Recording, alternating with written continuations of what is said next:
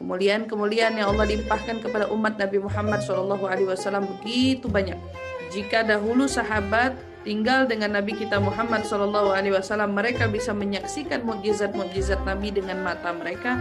Mereka melihat air keluar dari jari jemari Rasulullah.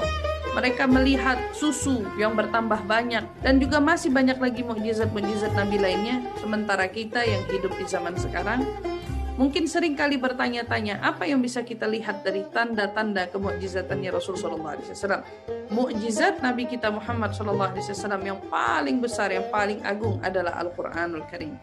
Yang mana itu semua firman Allah Subhanahu Wa Taala ditujukan untuk seluruh hamba-hambanya, terutama umat Nabi kita Muhammad Sallallahu Alaihi Wasallam. Insya Allah kita semua yang menjadi umat Nabi Muhammad tidak melupakan bagian terpenting dari agama kita dari mukjizat Nabi kita Muhammad SAW yaitu Al-Qur'an.